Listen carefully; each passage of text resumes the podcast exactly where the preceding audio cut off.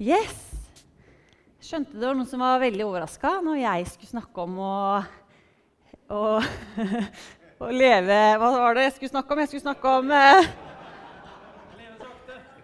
Takk skal du ha. Leve sakte. Dag, du syns det var litt rart at jeg som en veldig rolig person eh, skulle snakke om det temaet. Eh, er kanskje ikke den mest eh, rolige personen. Jeg er kanskje ikke den som har minst å gjøre. Eh, men kanskje derfor jeg også bør snakke om det. Fordi jeg trenger å jobbe med det. Og da er det kanskje greit å være med på den reisa hvordan eh, man skal prøve å klare å leve saktere. Jeg har egentlig hele mitt liv vært kjempeaktiv. Hatt masse aktiviteter. Fulle kalendere. Har egentlig trivdes litt med det. Eh, ansvar, gjerne. Gi det til meg. Um, og så skjer det jo at man noen ganger kanskje kjenner at eh, Oi, nå blir det litt for mye. Nå begynner jeg egentlig å kjenne meg litt sliten. Uh, jeg har ofte en rastløshet som går på at hvis jeg er hjemme, så skal jeg helst gjøre noe produktivt. Jeg klarer ikke å slappe av så bra uh, i sofaen og ikke gjøre noen ting. Eh, da skal det alltid et eller annet man kan gjøre ikke sant, hjemme av viktige ting eller eh, hus, hus, husting. Um, og hvis jeg ser på en film Ofte blir film litt langt for meg. Jeg kan godt se en liten sånn snutt på 20 minutter, men en film den varer liksom 1 12 time. Da må jeg i hvert fall jobbe med noe på, på telefonen samtidig eller scrolle på Instagram samtidig. ikke sant? Så man liksom gjør litt flere ting på en gang. Det å bare slappe av og kjenne roen komme, det er veldig vanskelig for meg så var det for noen år siden Jeg tror faktisk det er snakk om en eh, fire år siden. henne jeg skriver litt i en bok. Um, og da eh, ser jeg det, at det starta for rundt fire år siden at jeg begynte å få ganske mye hodepine eh, og stiv og vond nakke. Og eh, det gikk også over i type migreneanfall, hvor jeg da har det på det verste. Så er det veldig sensitiv både mot lyd og lys, og også kaster opp hvis det blir skikkelig ille. Um, så legen min ville at jeg skulle sjekke alt med blodprøver, og jeg var til MR av hodet ikke sant, for å sjekke ut kan det være noe som er galt sånn fysisk. Um, og jeg regna ikke med at jeg skulle finne noe der. Fordi eh, jeg som eh, folkeskolelærer eh, og inspektør har fri en del på sommeren. Eh, ja, rundt en tre måneders tid. Så, og da har jeg stort sett ikke vondt i huet. Eh, og da er det jo ofte en sammenheng med at når man er på jobb og det er masse hverdagsstress eh, og mas og bekymring, så har det også resultert i hodepine. Jeg som egentlig er en veldig positiv person, jeg husker Som barn så kunne jeg være veldig sånn eh, Ta livet som det faller seg. Den sangen fra Jungelboken. Eh, hvis jeg liksom kjente at det var sånn stress hjemme, og sånne ting, så sang jeg den og så sa jeg til de andre nå må vi bare slappe av litt og ta livet som det faller seg. Alt ordner seg. Og jeg var egentlig litt sånn som bare tok livet som det falt seg, og var positiv. Selv om jeg var aktiv, så tok jeg alt sånn i positiv mening. Også når man blir eldre, så har dessverre bekymring og stress tatt mer og mer overhånd, som har resultert i at jeg da har stresshodepine og noen ganger da får migrene. Noen ganger så skjønner jeg hvorfor jeg får hodepine. fordi jeg tenker nå har det vært crazy mye, både på jobb og samtaler og diverse ting. Andre ganger så skjønner jeg ikke helt hvorfor det kommer. Det er bare sånn at eh, jeg kjenner at jeg, nei, men jeg har jo egentlig bare slappa og hatt det fint i dag, trodde jeg. Allikevel så spenner kroppen min seg fordi jeg uten å ville det og, og vet om det faktisk noen ganger, eh, bare spenner meg. I Bibelen så står det 365 ganger vers som handler om å ikke bekymre seg, ikke frykte, ikke være redd. 365 ganger. Er det tilfeldig? Eller er det fordi det er 365 dager i året? Hvorfor har Gud så fokus på at ikke vi skal stresse? Det er vel kanskje fordi han kjenner barna sine. Han vet hvor lett vi ofte stresser, og hvor ofte vi bekymrer oss. Og han vet også hvor mye det tapper oss for energi og livskvalitet. Å kunne ha det bra med oss sjøl og med hverandre. Derfor så poengterer han det så mange, fordi han har omsorg for oss. Han vil at det beste for oss, og han vet at det er ikke bra å bekymre seg. Og så er det allikevel så lett for mange av oss å gjøre det allikevel. I november i fjor eh, så var det ekstra ekstra ille med hodepine Eh, jeg klarte å dra på jobb, men det var egentlig bare det jeg klarte. Og jeg var hos legen, og han ville egentlig sykemelde meg på dagen. Men jeg sa nei, da får jeg det ikke noe greit. Jeg må klare å holde meg i jobben. Eh, så sa han eh, ok, men hvis du har noen frivillige verv, så må du ta pause fra det. Ja, jeg har et par frivillige verv, sa jeg da. Så da var det pause fra alt, eh, bare for å klare å fungere i jobben. Eh, og det var ekstra tungt fordi jeg var så begrensa, fordi jeg hadde så mye vondt i hodet. Og da blir man ikke akkurat happy-clappy. Så det var egentlig en litt sånn eh, tung tid for eh, rundt et år siden. Jeg var nødt til å bremse opp litt. Det var egentlig kroppen sjøl som ble var kjempeirritert på min egen kropp for at den stoppa opp. Så var jeg bare nødt til å stoppe opp fordi den satte på nødbremsen. Og jeg var nødt til å prøve å leve saktere. Jeg bytta kjærlighetsspråk hvis noen kjenner til de fem kjærlighetsspråkene. Det er jo eh, tjenester, gaver, fysisk berøring, tid og anerkjennende ord. Og jeg hadde tid. Og jeg ikke så ned på, men jeg tenkte det er jo ikke noen som har tjenester som kjærlighetsspråk. Det er jo litt spesielt. Jeg kan skjønne tid, jeg kan skjønne fysisk berøring, eh, men akkurat tjenester den kunne jeg ikke skjønne. Eh, det at man skal føle seg mest elska eh, og få fylt opp kjærlighetstanken når andre gjør ting for deg. Jeg gikk fra å ha tid til å få tjenester som kjærlighetsspråk. Hvorfor? Jo, fordi jeg var så sliten. Jeg hadde så mye. Så når da Knut Håvard, min mann, eh, valgte å eh, gjøre ting for meg som avlasta meg, det var jo da jeg følte meg elska. Eh, jeg håper egentlig at jeg skal komme tilbake til å ha tid som kjærlighetsspråk. Jeg har nok det også. Eh, men, men, at tjenester har blitt så viktig for meg, det syns jeg er litt kjipt. Eh, så jeg håper egentlig at jeg skal komme tilbake til å få, få tid som kjærlighetsspråk. Så får vi se.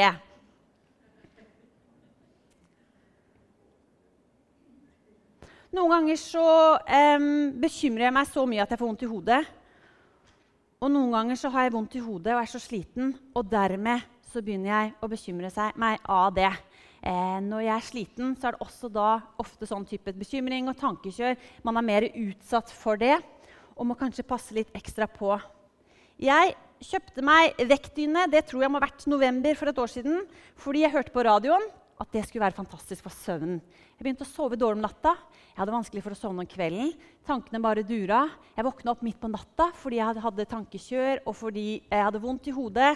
Så tenker jeg yes, Magic, ikke sant? Dekkdyne. Kjøpte meg, og så var det jo halv pris, da. Det er jo ikke sikkert jeg hadde kjøpt den hvis ikke. Men det var halv pris, og det skulle være fantastisk for søvnen. Den vektdyna den ligger nå i boden. Jeg fant ut at noen av de tøffeste nettene hvor jeg ikke fikk sove, hva var det som hjalp da? Jo, det var å si bibelvers høyt. Særlig et bibelvers som jeg husker fra jeg var liten jente, og som jeg kunne si da når jeg skulle sove. Og det vil jeg gjerne ha opp på skjerm. I fred vil jeg legge meg ned og sove. For du, Herre, du alene lar meg hvile trygt. Noen ganger når bekymringen var sterk, så kunne jeg be, enten med ord eller med tungetale. Så kjente jeg at det, det kunne lette for meg. Så Vi leser videre fra Jesaja 41, 10. Frykt ikke, for jeg er med deg. Vær ikke redd, for jeg er din Gud. Jeg gjør deg sterk og hjelper deg og holder deg oppe med min rettferds høyre hånd. For ehm, ja, det er kanskje et par år siden så fikk jeg en bok. Dere er sikkert kjempeoverraska at jeg skulle få den boka her. Radikal ro, liksom. Nei, Det var jo, det jo pussig. Eller så fikk jeg den kanskje av noen som kjente meg godt. Andrea Rønsen, som går her i kirka, hun hadde lest den boka, og hun sa jeg skulle ikke bare få låne den, jeg skulle få den. Så hun mente vel at den her har jeg kanskje godt av å, å eie og lese flere ganger. Eh, og det, det, har jeg gjort.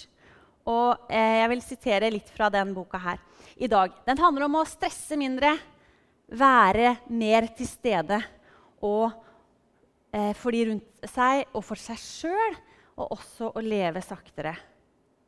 Jeg har lyst til å lese noen utdrag for boka. For de fleste mennesker i vår del av verden er den største trusselen mangel på tid, stress, bekymring, sammenligninger med andre og krav til prestasjon. Er det noen som kjenner seg igjen? Ja. I hvert fall tre ærlige mennesker i denne salen her.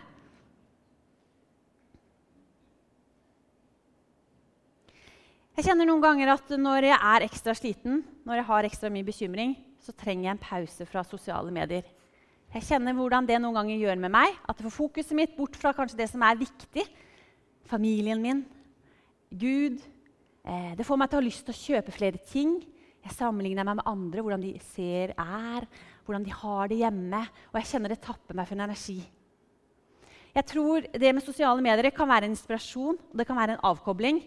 Men det handler om om man velger det sjøl, eller om det er den som har kontroll over deg. I hvert fall det jeg har funnet ut for min egen del, at Jeg kan gjerne sitte på Instagram og bli inspirert. Når jeg har satt meg ned for å sitte der kanskje i fem minutter for å få litt inspirasjon. Men når jeg bare zapper og zapper og zapper fordi jeg ikke har noe annet å gjøre, eller fordi jeg ikke orker å kjenne på andre ting, så blir det noe som heller har kontroll over meg, og som ikke er positivt. I Lukas 11, 34-36 så står det noen vise ord, og der står det Øyet er kroppens lampe. Når øyet ditt er friskt, er det fordi kroppen er fylt av lys. Men er øyet ditt sykt, er det fordi det er mørkt i kroppen. Se derfor til at lyset i deg ikke er mørkt. Er nå alt i kroppen din lys og ingen av den mørk, da blir alt lyst som når en lampe lyser på deg med sine stråler.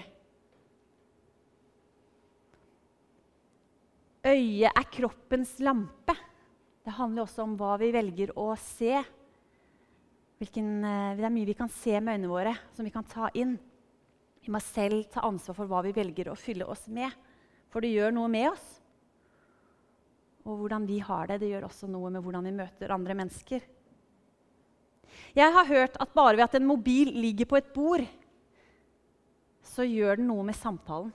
Det gjør noe med nærheten mellom mennesker. Til og med når mobilen ligger jeg håper ikke det blir forstyrret at jeg bruker den. da. Til og med når den ligger med face down. ikke sant? Forsiden ned på telefonen. Allikevel så er den med på å stjele. Hvorfor det? Jo, for da føler man kanskje at å ja, den kan ringe når som helst. det kan komme en melding. Den er forstyrrende element. Selv om man ikke rører den engang. Selv om jeg sitter og snakker med Karoline, og den ligger der, så ødelegger den samtalen jeg og Karoline har. Ok? Den her er uh, kan være mye bra med den, men den tar altfor mye av fokuset som gjør at vi ikke er like mye til stede for de rundt oss. En av mine store forbilder det er en dame som heter Kjersti Lium. Hun var med på et TV-program på TV 2 for noen år siden. Ingen grenser. Og hun er blind. Og vet du hva hun har sagt? Hun har sagt at om hun kunne fått synet tilbake, så vet hun ikke om hun ville gjort det. What? Hva i all verden? Hvorfor? Jo, fordi hun opplever en stor livskvalitet ved å virkelig kunne være til stede for de rundt seg. Hun har eh, to barn, og den ene gutten hennes hadde besøk av en kamerat som sa til henne det at det er så spesielt med deg, Kjersti, for du er så til stede når vi prater. Du lytter ordentlig, du. Hjemme så er det ikke sånn. Hjemme så er de så opptatt av telefon og andre ting. Som hun sa, jeg måtte jo på en måte bare sitte der. Hun har sett hvor stor livskvalitet og tilstedeværelse det gir når man ikke kan se. Hun slipper å sammenligne seg med andre ved å se hele tiden på en telefon eller på andre. Hun har fått en eh, større ro inni seg. Hun sier at hun er blitt så glad i naturen. Hun kan dra ut på, på natta og sove borte alene ute bare være med naturen, ikke sant? være med Gud, være med omgivelsene. Det er å leve sakte. Og så blir hun henta dagen etter, så hun kommer seg tilbake dit hun skal.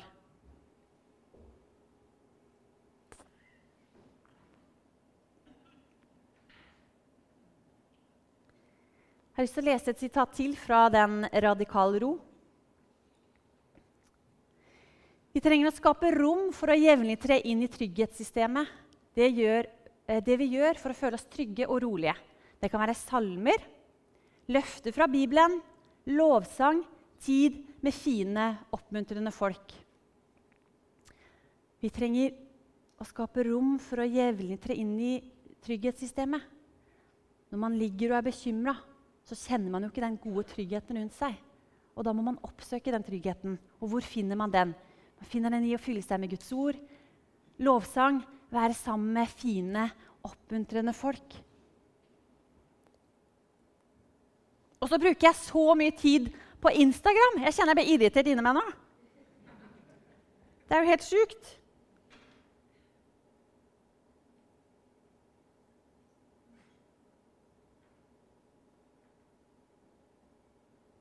Det er mens vi hviler, vi forstår hvorfor vi bør hvile, sier Thomas Sjødin i boka 'Mens du hviler'. Det er da vi kommer i kontakt med dypet i oss selv. Det er da vi finner sjelefred. Jeg synes Det er litt interessant å tenke på det at eh, for de som ikke tror det finnes en Gud da. Når jeg i hvert fall bruker tid alene sammen med Gud, så kjenner jeg at jeg blir fylt av en fred og en glede. Jeg burde jo kanskje blitt fylt av en tomhet, tenker jeg, hvis Gud ikke hadde fantes. Hvile er like viktig som arbeid. En psykolog som heter Jon Petter Fagerhaug, sa det er ikke de som har mest å gjøre, som er de mest slitne. Det er de som slapper av minst. Fortsetter med radikal ro. Men verden trenger ikke flere utbrente mennesker. Verden trenger ikke flere mennesker som sliter seg ut på å gjøre andre mennesker til laks. Det verden trenger, er mennesker som tar flere pauser i hverdagen, der de kjenner på dyp takknemlighet for alt som er. Der de har krefter og tid til seg selv og sine medmennesker. Verden trenger at du og jeg har overskudd til livet. Og så var det et tips i denne boka her om å skrive en takknemlighetsliste. Og hvis man tenker over nå, hva er jeg takknemlig for? Da kommer jo ofte de store tingene. Store eh, Gud, familie, venner. ikke sant? Og det er superbra å, å, minnes over det du er veldig, veldig ekstra takknemlig for. Det som kanskje betyr mest for deg. Men i hverdagen så handler det kanskje om å se de små tingene også. Se de små tingene man er takknemlig for. For da må man stoppe opp litt og legge merke til ting. Sånn som barn gjør, ikke sant? som kan bruke kjempelang tid på skoleveien bare fordi de ser så mye fantastisk. Det kan være en pinne som ligner på en slange, eller det kan være en liten marihøne. ikke sant? Det er så mye fint rundt oss som vi bare stopper opp. Nå skal ikke jeg lese hele min takknemlighetsliste, men jeg har lyst til å lese noen av de som jeg da har skrevet opp. Lukten av nyvaska tøy sjokoladelakriskuler med melk. Se på Zoe som sover. Det er katten vår. Spille monopol med smågodt med jentene på hytta. Tenne peisen. Gå og jogge alene i skogen ved hytta og raske med meg noen blåbær på veien. Hyle i sklia på badeland og kjenne at jeg lever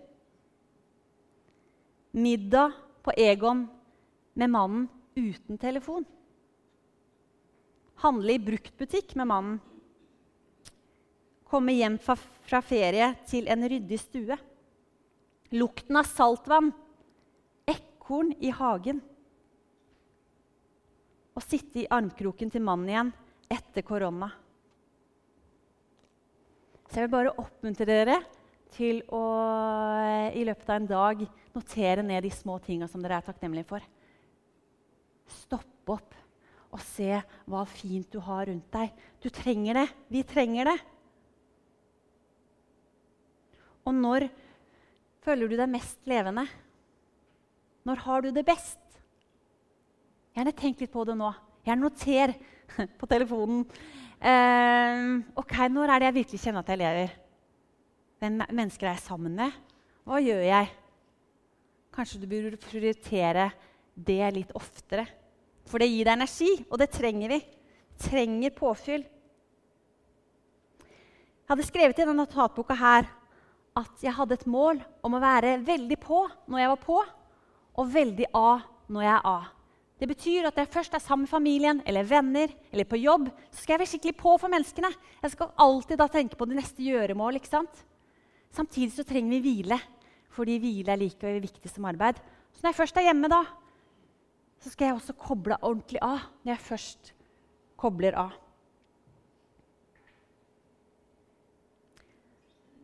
Og da jeg kom til den eh, det her er jo jeg skal innrømme at jeg har jo planlagt litt hva jeg skal si, og brukt litt tid på det. Eh, og når jeg var kommet ca. hit, så kjente jeg at nå trengte jeg en pause. Nå begynte jeg å bli litt sliten. Og Ådel, som går i kirka her, hun har vist meg en app. Det er mange som tar ansvar for at jeg skal få mer roligere liv. Altså, så det er veldig fint. Eh, og den appen heter Encounter, og den ser sånn ut. Og den er litt fin. For det er sånn typ eh, 10-15 minutter hver dag som man kan gå inn på. Og så er det en fantastisk, jeg synes i hvert fall veldig behagelig amerikansk selvfølgelig, stemme som eh, snakker eh, om bibelvers. Eh, men også får deg til å bare slappe av, puste godt inn og ut. ikke sant? Og bare være til stede. Og den burde jeg ta minst én gang om dagen, sikkert mer. Jeg har ikke gjort det hver dag etter jeg fikk appen. Men jeg har gjort det noen ganger, og det er helt fantastisk. Det kan jo nettopp gjøre at den dagen der får jeg mer energi og orker alt jeg skal. Istedenfor at jeg bare durer i vei, for jeg tenker jeg har ikke tid til å sette av ti minutter, et kvarter. Så er du heller vel, vel investert ved å gjøre det. I Johannes, 1. Johannes 4, 9-18 så står det Og ved dette ble Guds kjærlighet åpenbart blant oss at Gud sendte sin enbårne sønn til verden for at vi skulle leve ved ham. Ja, dette er kjærligheten. Ikke at vi har elsket Gud, men at han har elsket oss. Og sendt sin sønn til soning for våre synder. Mine kjære, har Gud elsket oss slik, da skylder også vi å elske hverandre. Ingen har noen gang sett Gud, men dersom vi elsker hverandre, blir Gud i oss, og hans kjærlighet er fullendt i oss. At vi blir i ham og han i oss, det vet vi fordi han gitt oss av sin ånd. Og vi har sett og vitner om at Faderen har sendt Sønnen som verdens frelser. Om noen bekjenner at Jesus er Guds sønn, blir Gud i ham og han i Gud. Og vi har lært å kjenne den kjærlighet Gud har til oss, og vi har trodd på den. Gud er kjærlighet, og den som blir i kjærligheten, blir i Gud, og Gud i ham. I dette er kjærligheten blitt fullendt hos oss, at vi har frimodighet på dommens dag. For som Kristus er, slik er vi i denne verden. I kjærligheten finnes det ikke frykt. Den fullkomne kjærligheten driver frykten ut. Vi trenger i større grad å erfare den kjærligheten som Gud har oss. Vi trenger i større grad å bruke tid med Gud, sånn at vi kan lytte til hans stemme, hans bekreftelse på oss, slik at hans kjærlighet kan drive frykten vår ut. Videre så står det i Matteus 3, 16-17. Da Jesus var blitt døpt, steg han straks opp av vannet. Og se, himmelen åpnet seg, og han så Guds ånd komme ned over seg som en due. Og det lød en røst fra himmelen. Dette er min sønn den elskede. I ham har jeg min glede. Gud snakker bekreftende til sønnen sin. Han snakker bekreftende til oss om sin enorme kjærlighet til oss. Vi trenger påfyll for å få det bedre med oss selv og ha mer å gi til andre. Vi trenger å roe ned i hverdagen. Vi trenger i så mye større grad å legge bort telefonen og være ordentlig til stede for oss sjøl og for de rundt oss. Jeg har lyst til å be en bønn til slutt. Kjære, gode far, jeg takker deg for at du alltid vil oss bare godt, Herre. Hjelp oss til å ta disse pusterommene i hverdagen. Hjelp oss til å sakte ned, far. Fordi å, å, å, gå med deg, far, det skal ikke være stress og mas, far. Da er det vi som jager det opp. Hjelp oss til å gå bare i dine veier, far, og alt det som du har, Jesus. Takk for at du vil fylle oss med din styrke og kjærlighet på nytt og på nytt og på nytt. Takk for at vi kan legge frykt, bekymring, i dine hender. Takk for at du er vår trygghet. Takk for at du er vår klippe, Jesus. Hjelp oss til å komme til deg alltid. Hjelp oss til å hver dag være fylt av deg, Jesus. Det ber jeg om for mitt liv og for alle som er her sitt liv, Jesus. I Jesu navn. Amen.